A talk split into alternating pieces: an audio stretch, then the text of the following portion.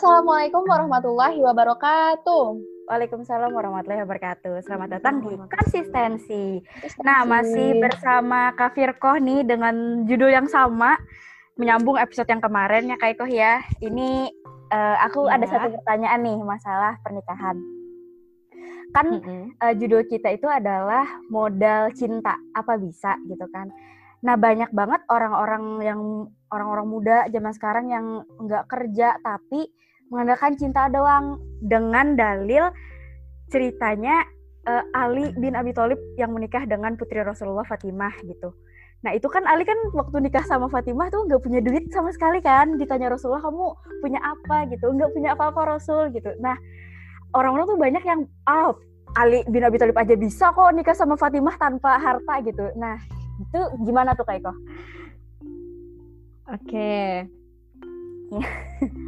Jadi uh, Ali dan Fatimah ini sering dijadikan acuan ya atau iya. um, apa tadi sebagai contoh lah ya iya. bahwa uh, pernikahan Ali dan Fatimah itu adalah suatu konsep pernikahan yang tidak tidak muluk-muluk gitu yeah. bermodalkan uh, cinta saja atau misalnya tadi uh, tidak tidak memiliki apa-apa gitu ya. Nah uh, bahkan katanya kan ketika menikah Ali tidak memiliki apa pun ya, tidak memiliki apa pun. Nah, jadi uh, meski begitu, apakah benar ini ya? Apakah benar pernyataan seperti ini? Apakah benar uh, apa namanya argumentasi uh, seperti ini gitu yeah. ya? Argumentasi ini. Nah, jadi uh, waktu itu bukan tidak sama sekali tidak memiliki mahar. Ali memberikan mahar kepada uh, Fatimah ya hmm. dari Rasulullah. Apa uh, maharnya? Maharnya adalah baju zirah atau baju perang ya, baju perang, baju besi. Nah, jadi waktu itu harganya sekitar kira-kira menurut para literatur ya, uh, sejarawan hmm. itu ditaksir sekitar 4 180 dirhaman. Kurang lebih sama seperti istri-istri Nabi ya. Hmm. Jadi sekitar eh bukan ya, kalau iya. istri Nabi berapa tadi 5000 5000 eh 5000 500 ya. 500 dirham 500 apa dirham 500 dirham tadi ya. Iya. Maka uh, putri Rasulullah sendiri itu sekitar kurang lebih ya kurang lebih uh, eh, 480 dirham ya. Hmm. Nah, maka tidak tidak benar ya uh, bahwa tidak ada sama sekali tidak ada maharnya, ada yeah. maharnya gitu. Jadi ada maharnya, bukan tidak ada mahar sama sekali. Nah, tapi itu tadi uh, maharnya berupa bentuk-bentuk yang apa yang dipunyai apa yang dipun bukan memberatkan ya kan Rasulullah tidak memberatkan kan oh kamu harus ini kamu harus hmm. enggak punyanya apa gitu ditanya dulu hmm. seperti itu ya, gitu ya. ya. Hmm. kemudian lagi tadi apa katanya oh uh, Ali kan miskin ya iya tidak memiliki kekayaan seperti sahabat-sahabat yang lain misalnya Utsman, Umar dan lain sebagainya. Hmm.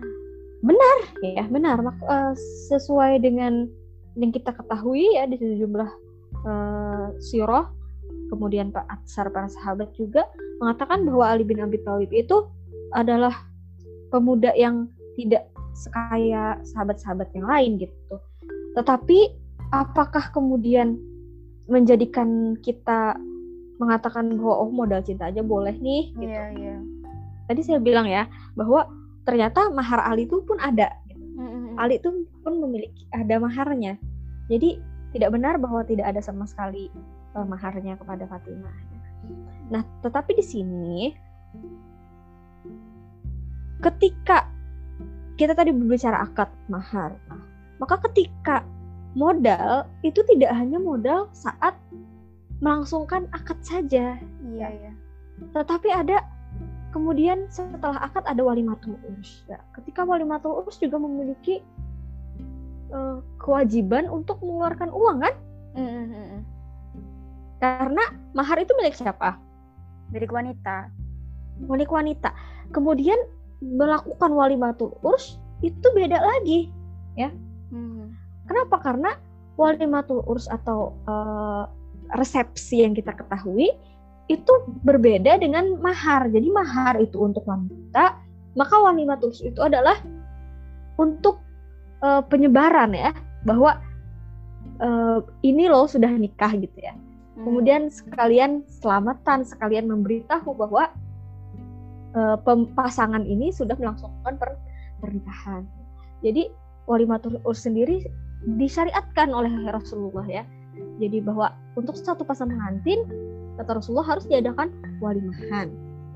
Di sini para ulama tuh memberikan penjabaran bahwa walimah pernikahan adalah bagian dari syariah Islam yang harus dihidupkan maka seyogianya pasangan pengantin muslim berusaha dalam pernikahannya. Tidak serta-merta melupakan acara walimah tersebut meskipun hanya dengan seekor kambing. Jadi nyembelih kambing seekor kemudian kadang besar-besaran gitu. Nah, kemudian Imam Bukhari meriwayatkan nih sebuah hadis yang mengisahkan pernikahan Abdurrahman bin Auf ya, seorang sahabat yang masyhur dengan seorang wanita Ansor di mana uh, menghidangkan makanannya ini tanpa daging. Hmm. ya tanpa daging. Jadi dari Anas uh, ibnu Malik mengatakan bahwa dalam walimahan tersebut tidak tersedia terhidang roti maupun daging saya hanya disuruh oleh beliau Rasulullah untuk mengambil alas makan dari selembaran kulit yang disamak hmm. ya. Lalu saya hamparkan kemudian saya letakkan kurma keju minyak samin di atas makanan itu. Lalu para tamu makan hingga mereka kenyang artinya apa? Artinya walimahan itu rasa syukur dan ungkapan kebahagiaan pernikahan itu harus dilaksanakan walaupun tadi tidak uh, para ulama mengatakan walaupun hanya dengan seekor kambing atau walaupun dengan makanan yang tanpa ada dagingnya. Maksudnya tanpa ada daging itu nggak perlu mewah lah gitu, iya, nggak iya, perlu iya. sesuatu yang wah gitu. Yang penting tuh ada. Nah jadi sebisa mungkin ya dalam pernikahan pasangan pengantin benar-benar mengusahakan adanya walimah. Nah gimana kalau misalnya memang tadi aja ya misalnya maharnya aja tadi cuman cincin, cincin besi ya mm -mm. gimana caranya dia ngadain acara pernikahan yang uh, ngasih makan orang-orang ya kan yeah. nah maka Rasulullah mengatakan ya bahwa simple saja ya siapa yang memiliki uh, saudara ya, yang uh, tidak tidak memiliki kemampuan untuk melakukan resepsi atau melakukan walimahnya, maka saudara-saudara semuslimnya ini diminta untuk memberikan hadiah atau memberikan uh, sumbangsih ya hmm. berupa makanan-makanan tadi. Makanan-makanan sehingga resepsinya tetap jalan tetapi di, di dibiayai atau diberikan uh, bantuan daripada saudara-saudara muslim lainnya gitu. Sehingga tetap jalan walimah itu.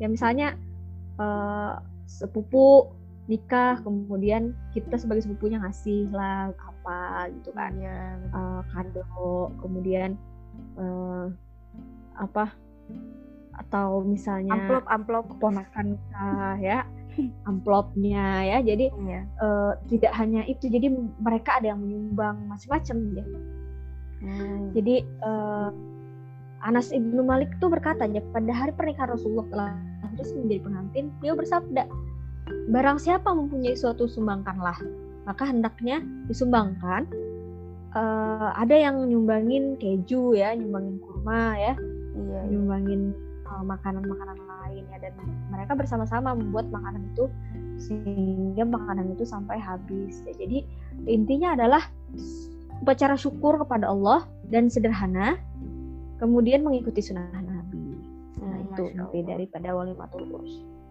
tetap nah. perlu modal kan iya perlu nggak ini dari yang perlu ya aku tarik ya kayak ya kesimpulan dari kita hmm. ngomong dari yang kemarin itu uh, ternyata modal cinta aja tuh tidak cukup gitu harus ada hmm. uh, modal entah itu harta entah itu walaupun tidak harus berupa harta kan bisa dalam bentuk hmm. surah-surah gitu kan hmm. nah tapi kan kayak Iko uh, dan modal itu kan digunakan pada saat tidak hanya pada saat pernikahan saja atau pada saat akad nikah. Hmm.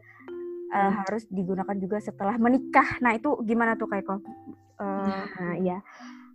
Ini ya, uh, aku pengen tanya deh ke Afra dan Kimi ya.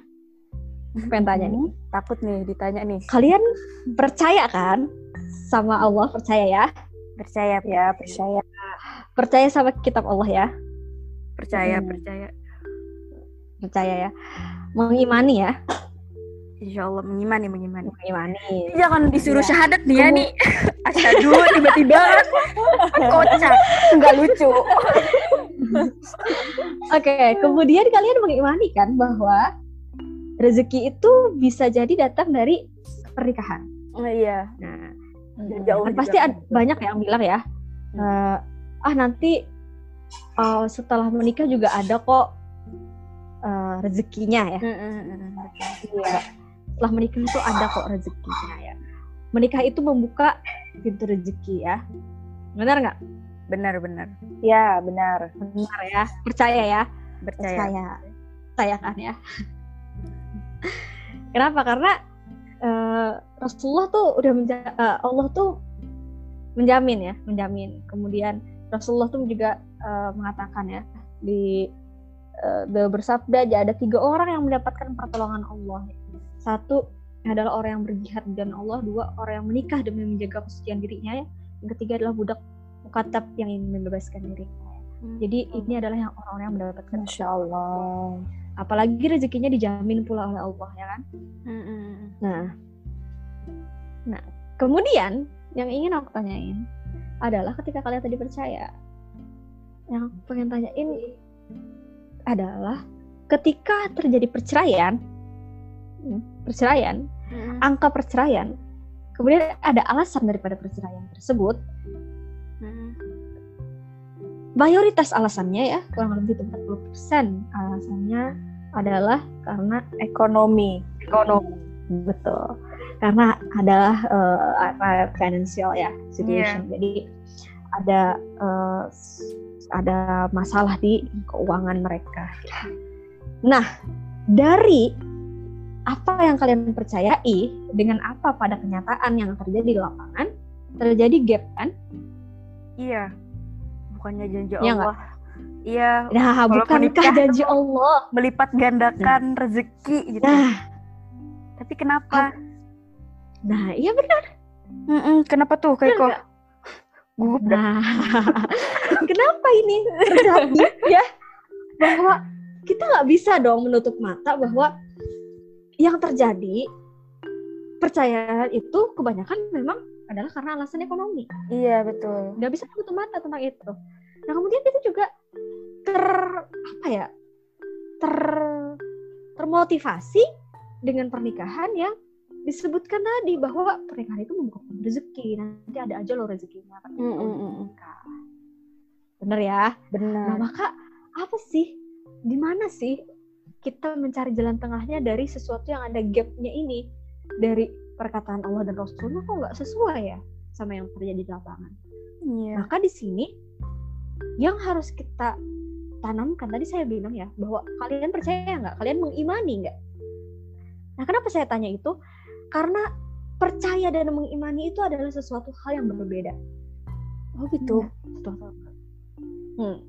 Jadi Aisyah itu mengatakan bahwa seseorang yang beriman itu adalah orang yang mempercayai dengan hatinya, kemudian melafazkan dengan lisannya, lisannya, dan mengerjakan dengan perbuatan tangannya, perbuatan lahir ya batinnya, apa namanya lahirnya gitu, bukan hanya batinnya saja yang hmm. mengatakan saya percaya, saya mengimani, tetapi ada action di sana ya. Yeah. Jadi itulah disebutnya dengan iman. Iman. Ya kalian misalnya beriman, oh saya percaya, percaya sama Allah ya percaya bahwa Allah itu ada. Cuman sampai percaya aja itu iblis lebih percaya pada kalian. Astagfirullah. Bener nggak? Iya. Bener nggak? Saya tanya bener nggak? Bener. Bener kenapa? Karena bertemu dan berbicara. Karena Allah berbicara nggak? Mm -mm. iblis berbicara nggak dengan Allah berbicara Percaya nggak Allah itu ada berarti iblis? Percaya. Percaya. Mm -hmm. maka im beriman nggak dia? Enggak. Enggak. Nah, maka dari itu tidak hanya percaya, benar oh, ya? Iya, benar. Oh, yeah. I iya. got it. I got it. Mak benar ya? iya, iya, iya. Paham ya? Maksudnya paham, ya? paham, paham, paham. Maka di situ juga kita tidak hanya mempercayai bahwa hmm. rezeki itu Allah yang atur, tidak hanya mempercayai pintu rezeki itu dibukakan Allah ketika pernikahan, tetapi juga kita harus mengimani itu. Mengimani dengan cara apa? Bahwa kita berusaha untuk itu. Kita hmm. mengerjakan seluruh perbuatan yang menuju ke sana. Oh. Menuju ke sana tuh gimana? Kerja ya. Oh iya. Usaha iya. mencari nafkah ya. Hmm. Nah, jadi melakukan uh, perbuatan yang menuju kepada dibukakan pintu rezekinya gitu. Nggak bisa kalian cuman oh ya udah nikah nih habis ntar juga dapat duit. Enggak ya. Kayak gitu. Ya gitu iya betul, iya. Nggak gitu juga gitu ya caranya ya. jadi nggak kayak gitu cara mainnya oh, ya. berarti harus ada jadi, usaha gitu ya ada usaha di sana. Jadi karena konsep beriman itu tidak hanya percaya ya gitu ya. Hmm. nah maka orang-orang yang menikah juga harus tahu konsekuensinya. Bahwa dia memiliki suatu tanggung jawab yang memberikan apa? Nafkah. Ya memberikan naf nafkah. Nafkah jadi tanggung jawabnya itu adalah memberikan nafkah. Memberikan nafkah itu wajib ya. Wajib. Ya, wajib. Karena, uh, karena oh, karena sudah menjadi kewajiban dia kok bahwa orang ini si istri ini adalah dia yang menjadi uh, pemberi nafkahnya ya Hmm. Tetapi kadar penentuan nafkahnya ini adalah menurut kemampuannya. Ya, di At-Tolak ayat 7 itu Allah berfirman ya, hendaklah orang yang mampu memberi nafkah itu adalah menurut kemampuannya. Hendaklah ya apa?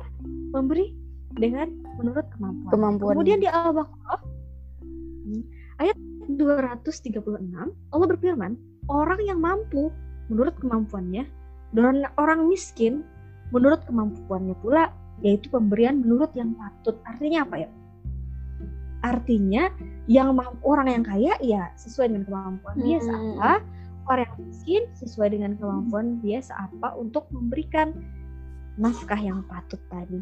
Apa sih hmm. nafkah yang wajib itu? Apa coba? Apa tuh? Nafkah nah, lahir dan batin. wajib Iya, yang lahir ya, yang wajib itu ada di surah Al-Baqarah ayat 233 ya. Di sini Allah mengatakan bahwa dan kewajiban, wajib dan kewajiban ayah memberi makan dan pakaian kepada para ibu dengan cara yang makruh. Juga berdasarkan hadis riwayat Jabir, bagi mereka para istri berhak mendapatkan makanan dan pakaian dengan cara yang patut dari kalian. Nah, maka ini adalah kebutuhan hidup yang abadi ya. Hmm, yaitu apa makanan dan pakaian. Maka dia harus dipenuhi ini wajib. Wajib. Dan ini berbeda-beda kebutuhannya berdasar, berdasarkan dengan kemampuannya dan kemampuan daripada si istri. Hmm. Nah, apa maksudnya ya? Mempertimbangkan kemampuan si suami dan istri saling mempertimbangkan kemampuannya masing-masing. Maksudnya adalah gini, istri itu harus bahwa si suami itu mampunya tuh seapa. Hmm, hmm, hmm, hmm. Ya.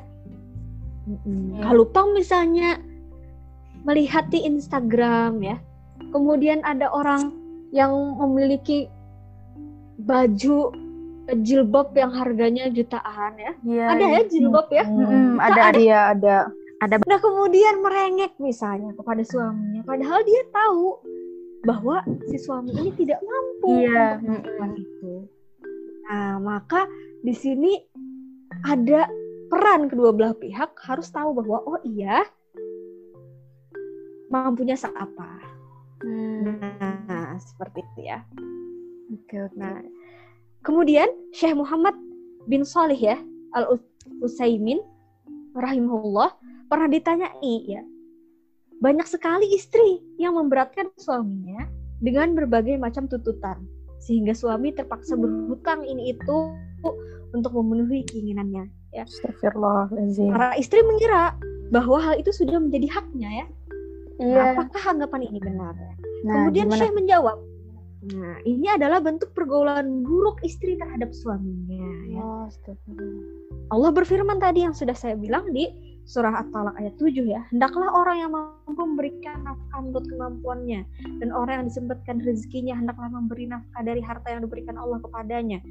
Allah tidak memikulkan beban kepada seseorang melainkan dengan sekadar apa yang Allah berikan kepadanya dan Allah kelak akan memberikan kelapangan sesudah kesempitan. Nah, maka hmm. tidak dihalalkan bagi seorang wanita meminta nafkah lebih banyak atau melebihi kebiasaan ya, meskipun hmm. suami itu sebenarnya mampu walaupun ya tadi dengan cara ngutang-ngutang ya.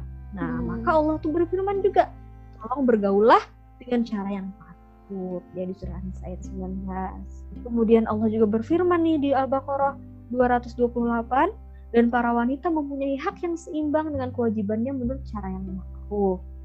Nah, itulah yang terjadi ya. Maka di sini harus mengerti kedua belah pihak. Mengerti kedua belah pihak. Bahwa apa sih kemampuannya? Hmm. Ya. Kemudian seapa sih saya mampunya? Nah, harus tahu. Nah, Bahkan para ulama itu mengatakan bahwa harusnya suami itu memberikan apa yang biasanya diberikan oleh oleh ayah dan ibu hmm. dari calon istri ini. Hmm. Contohnya, kalau misalnya di rumahnya itu biasa ada pembantu, maka si suami itu nafkahnya harus ada pembantu. Oh. oh atau misalnya si suami istri ini terbiasa memakai pakaian sutra. Hmm. maka kebiasaan inilah yang harus menjadi nafkah. Hmm. wah kalau gitu berat dong. Berat nggak? Iya. Berat kak. Berat, iya ya? yang nggak mampu Bisa gimana? naksir sama anak orang kaya ya? Iya betul. Sinetron sinetron. drama Korea banget nih kayak gini boleh nggak gitu ya? Iya. Boleh nggak? Maka di sini tadi di sini ada makanya para wanita harus mengetahui dulu sebelumnya sebelum menikah. Hmm. sebelum menikah harus mengetahui kondisi keuangan sang suami iya, ya. calon suami. Dan tidak boleh menutupi hal tersebut ya. Jadi harus diketahui itu harus diketahui. Nah kan sekarang masalahnya adalah membicarakan keuangan itu lebih tabu daripada membicarakan masa lalu. Iya betul. Mm, iya. Benar nggak? Mm -mm. Ya zaman sekarang orang tuh kayak membicarakan masalah uh, aib di masa lalu kan, mm. itu tidak tabu. Sedangkan membicarakan masalah keuangan kok tabu. Ya paling contoh paling penting ya, paling krusial krusial. Pertama nih, kalian misalnya berdatang ya ada orang berdatang, kemudian ngobrol, pian bisikah mantan pacar misalnya. Iya iya betul. Anda apa apakah kamu apakah dulu kamu pernah memiliki mantan pacar atau iya, misalnya iya. dulu dia ta dia tahu nih uh, orang ini udah pernah pacaran kemudian nanya uh, kamu dulu sama pacar ngapain aja nah ini sesuatu yang tidak boleh ditanyakan ya oh. tidak diperbolehkan ditanyakan. Kenapa? Karena itu adalah aib. Aib, aib. daripada seseorang. Hmm. nah maka di sini ditanamkan bahwa aib orang itu nggak boleh digali-gali. Kenapa? Oh. karena kalian hendaknya menutupi aib kalian dan menutupi aib orang lain sehingga nanti di yaumil akhirat Allah menutupi aib kalian. Benar nggak? Iya benar benar. Nah gitu ya. Jadi hal ini tidak penting untuk ditanyakan. Kenapa? Karena itu sudah menjadi masa lalu dia. Hmm. Mungkin dia sudah bertaubat, ya. Kemudian misalnya dia sudah uh, ingin ngubur masa lalunya, oleh karena itu dia bersegera untuk menikah dan lain sebagainya ya. Nah maka ini tidak diperkenankan untuk dipertanyakan. Para ulama harus sepakat, ya. sepakat betul bahwa ini tidak boleh ditanyakan.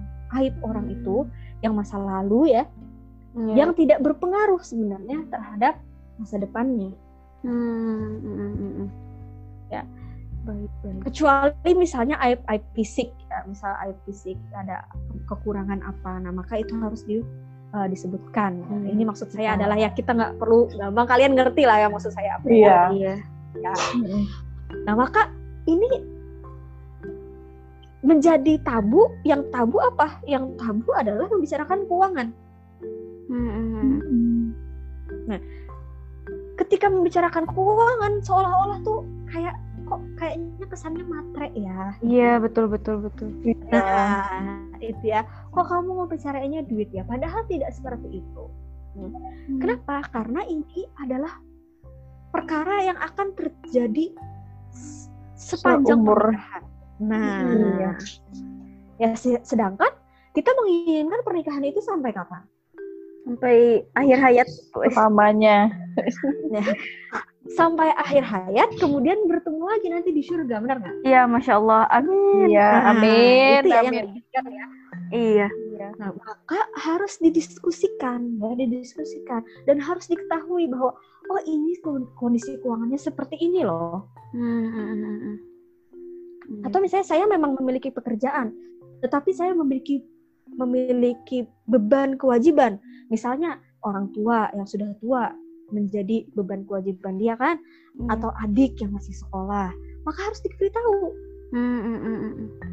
Nah, hmm. coba bayangin berapa banyak pernikahan yang terjadi percekcokan hmm. karena misalnya aduh kok kamu ngasih ibu kamu banyak banget sih kok kamu ngasih adik kamu banyak banget sih hmm. berapa banyak pernikahan oh. yang cekcok karena itu. Iya banyak banget iya. sih.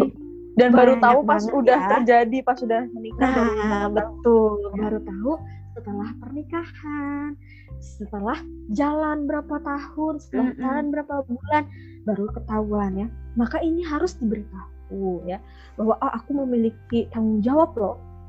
Nah sebagai istri harus tahu nih suamimu itu miliknya ibumu hmm Oh ibunya. ibunya. Oh ibunya ibu. si suami. Oh iya. Maka harus harus tahu bahwa si si suami itu memiliki kewajiban untuk menafkahi misalnya ayah dan ibunya yang sudah tua dan tidak bekerja. Mm, mm, mm, nah seperti itu ya. Nah nanti nanti suatu saat misalnya uh, kalau misalnya terjadi sesuatu misalnya orang tuanya misalnya udah pensiun atau apa maka dia yang harus menanggung maka si istri udah tahu tuh bahwa uangnya itu ternyata tidak hanya untuk dia iya. tetapi untuk keluarga nah seperti ini harus dijelaskan sebelum pernikahan sebenarnya. Hmm, ya. Agar mengetahui. Agar mengetahui. Nah kemudian si suami juga harus tahu ya kebiasaan-kebiasaan istrinya. Misalnya oh ternyata orang ini anak otak orang beranda ya. Eh, nggak uh, nggak nggak biasa misalnya uh, susah ya. Mm-hmm. nah maka dia harus ngasih tahu juga kamu mau nggak? Gitu. Iya. Uh, saya kehidupan saya seperti ini mm-hmm. nah maka tadi makanya mencari istri yang solehah misalnya. Uh, tahu bahwa keadaan suaminya seperti apa maka dia tidak merongrong. Ingin yang lebih daripada kemampuan sang suami. Iya. itu. Masya Allah. Oke. Sulit ya? Sulit nggak? Sekarang udah iya. nggak itulah gak kenapa keras ya? dan cinta tadi ya? Gak kan modal cinta bisa nggak ya? Gitu. Hmm ditampar realita. Ya. ditampar realita yang bertubi-tubi. Ya. iya ternyata banyak banget ilmu-ilmu yang kita tuh baru tahu gitu ya Fra ya. Mm-hmm. that's why orang-orang Maka... bilang kalau mau nikah tuh ilmunya dulu cari dulu ilmunya. Modalnya ya, dulu dicari. ternyata bukan cuma modal cinta doang gitu ilmunya. Ya, betul. Nafkah. Dan tren nikah muda ini kalau nggak diimbangi dengan tren belajar ilmunya malah nanti yeah, meningkatnya betul. angka perceraian malahan kan. Nah betul itu. Jadi nggak boleh sekadar digembor-gemborkan Indonesia tanpa pacaran, ayo nikah muda. Tapi uh. kita juga harus belajar ilmunya dulu. Nah gitu ya. Jadi jangan sampai jangan sampai cuman karena aduh nggak apa-apa nih Ali bin Abi Thalib juga kan dulu nggak berada ya iya nah, tapi kan kamu biasanya orang tua kamu yang ngadain ya betul betul bener nggak? Mm -mm. jadi iya. jangan dianggap oh iya enak aja nanti. Enggak ya. Mm -mm. nggak seperti itu. Nggak seperti itu. Ya jadi pernikahan itu banyak yang harus dipelajarin kemudian realita hidup itu juga harus di uh, jangan ditutup mata gitu. Oh nanti ya, dihadapi dihadapi. Harus dihadapi gitu ya, ini siap, siap. ini menarik sekali pemirsa Iya, nah mungkin ada lagi yang ingin kita makan tuh cinta ya, makan tuh cinta. Ini bener banget nih. Mungkin ada lagi yang ingin nah, ditambahkan nah, hanya Ya, jadi gini ya, sebenarnya modal cinta itu bisa, mm -mm. Ya, tetapi bukan cinta sesama terhadap kedua belah insan ini. Iya betul. Dunia nah. milik berdua. Tapi apa mencintai apa mencintai sama-sama mencintai Allah. Hmm, Masya Allah. Hmm. Masya Allah. Nah, jadi sama-sama mencintai Allah sehingga ketaatan yang dia lakukan dia bekerja itu untuk taat kepada Allah. Kenapa? Karena wajib mm-hmm. untuk memberikan nafkah tadi ya. Yeah. Bahkan memberikan nafkah ini bentuk ketaatan dia kepada Allah. Iya betul betul, masya nah, Allah. Nah, kemudian sang istri bentuk ketaatannya apa?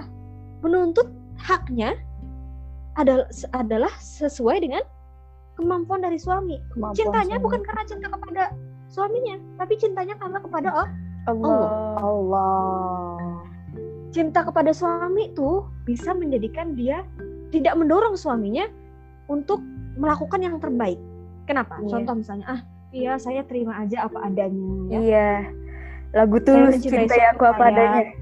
Uh, saya sehingga dia tidak mendorong suaminya untuk menjadi pribadi yang lebih baik dalam yeah. Mm-mm, Masya Allah betul betul. Sedangkan dengan mencintainya kepada Allah maka dia akan uh, wahai suami terus mendorong kan, iya. yang kewajiban ya. Tolong dong iya. ya.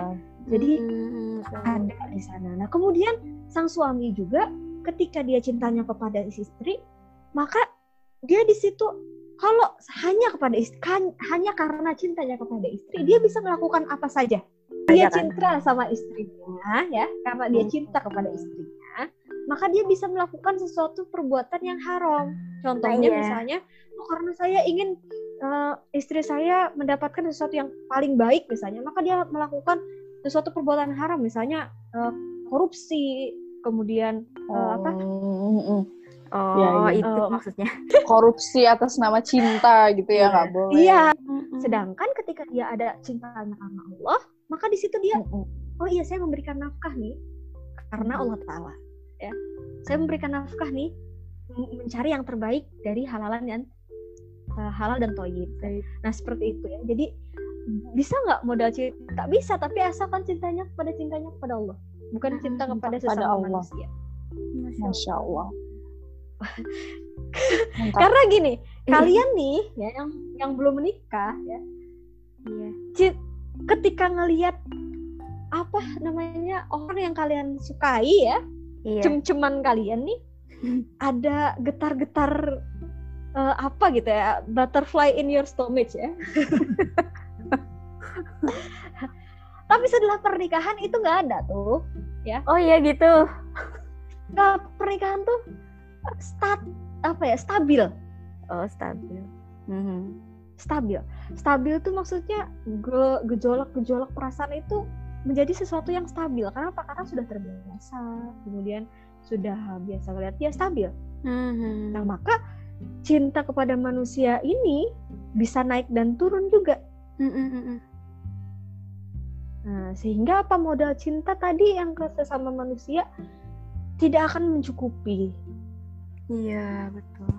Ya, tetapi ketika modal cintanya adalah kamu cintanya karena Allah, karena ingin bertakwa kepada Allah, sama-sama maka insya Allah cukup. Iya iya, masya Allah. Gitu ya? Iya. Nah, mungkin itu nih untuk modal cinta tadi.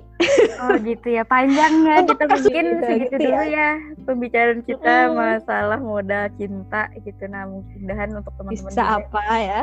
Mm-mm, menjadi ilmu baru nih buat teman-teman yang ingin menikah. Ya, semoga bermanfaat. Amin. Semoga tidak hanya karena emosi sesaat ya ingin yeah. menikah segera. Betul betul.